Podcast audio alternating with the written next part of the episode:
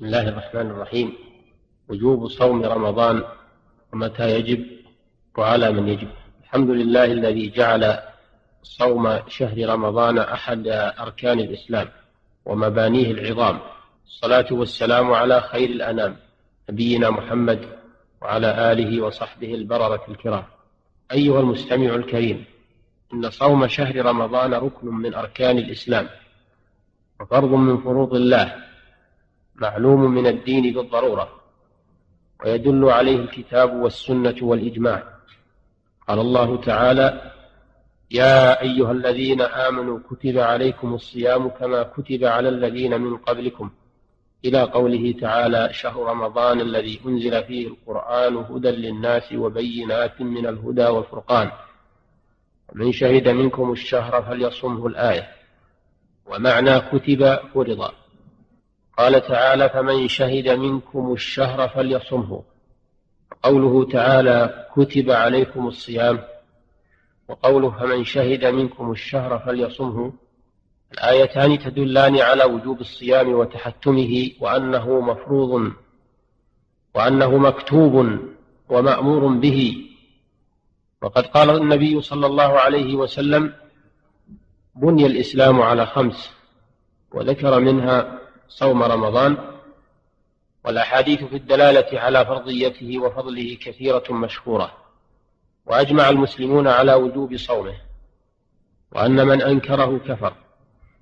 والحكمة في شرعية الصيام أن فيه تزكية للنفس وتطهيرا وتنقية لها من الأخلاق الرديئة والأخلاق الرذيلة لأنه يضيق مجاري الشيطان في بدن الإنسان.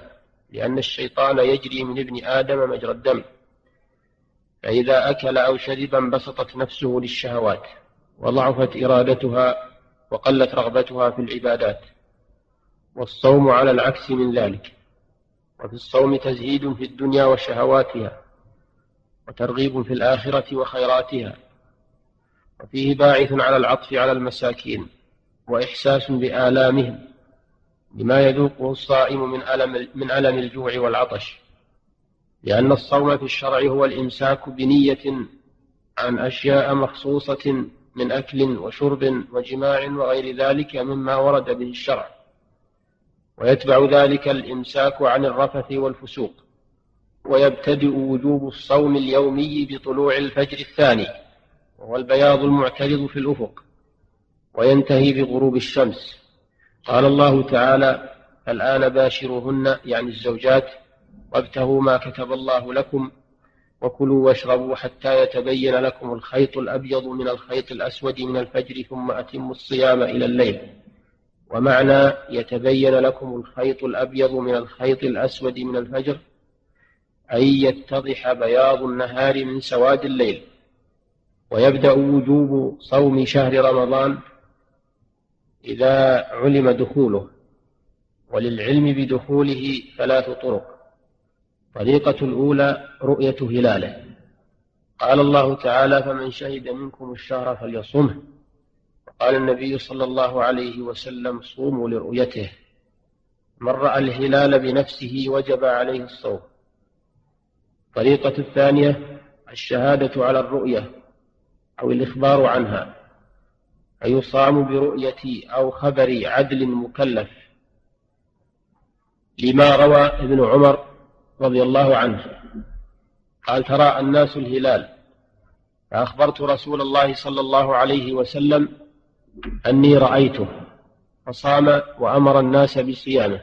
رواه أبو داود وغيره وصححه ابن حبان والحاكم. الطريقة الثالثة إكمال عدة شهر رمضان ثلاثين يوما.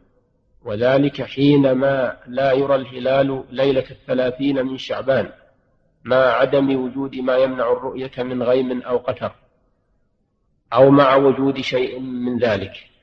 لقوله صلى الله عليه وسلم إنما الشهر تسعة وعشرون يوما فلا تصوموا حتى تروا الهلال ولا تفطروا حتى تروه فإن غم عليكم فاقدروا له ومعنى اقدروا له أي أتموا شهر شعبان ثلاثين يوما لما ثبت في حديث أبي هريرة فإن غم عليكم فعدوا ثلاثين وفي رواية فأكملوا عدة شعبان ثلاثين. أيها المستمع الكريم ويلزم صوم رمضان كل كل مسلم مكلف قادر فلا يجب على كافر ولا يصح منه.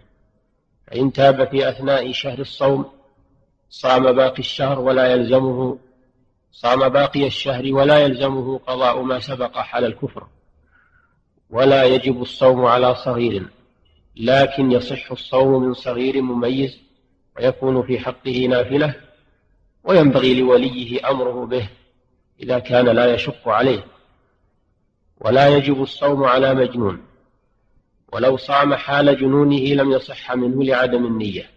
ولا يجب الصوم على مريض يعجز عنه ولا على مسافر. ويقضيانه حال زوال عذر المرض والسفر.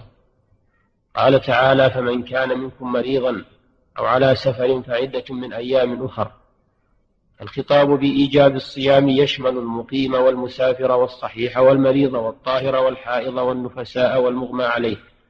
فإن هؤلاء كلهم يجب عليهم الصوم يجب عليهم الصوم في في ذممهم بحيث إنهم يخاطبون بالصوم ليعتقدوا وجوبه في ذممهم والعزم على فعله إما أداء وإما قضاء.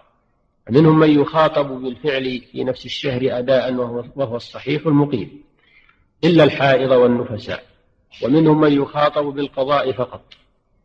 وهو الحائض والنفساء والمريض الذي لا يقدر على أداء الصوم ويقدر عليه قضاء. ومنهم من يخير بين الأمرين وهو المسافر والمريض اللذين يمكنهما الصوم بمشقة شديدة من غير خوف التلف. أيها المستمع الكريم ومن أفطر لعذر ثم زال عذره في أثناء نهار الصيام كالمسافر يقدم من سفره في أثناء النهار والحائض والنفساء تطهران وكذا إذا أسلم الكافر في أثناء النهار والمجنون إذا أفاق من جنونه والصغير يبلغ فإن كل من هؤلاء يلزمه الإمساك بقية اليوم ويقضيه بعد الشهر. وكذا إذا قامت البينة بدخول الشهر في أثناء النهار فإن المسلمين يمسكون بقية اليوم ويقضونه بعد رمضان. هذا وأسأل الله لنا جميعا التوفيق للعلم النافع والعمل الصالح والإخلاص لوجهه الكريم. وإلى الحلقة القادمة إن شاء الله. صلى الله وسلم على نبينا محمد. السلام عليكم ورحمة الله وبركاته.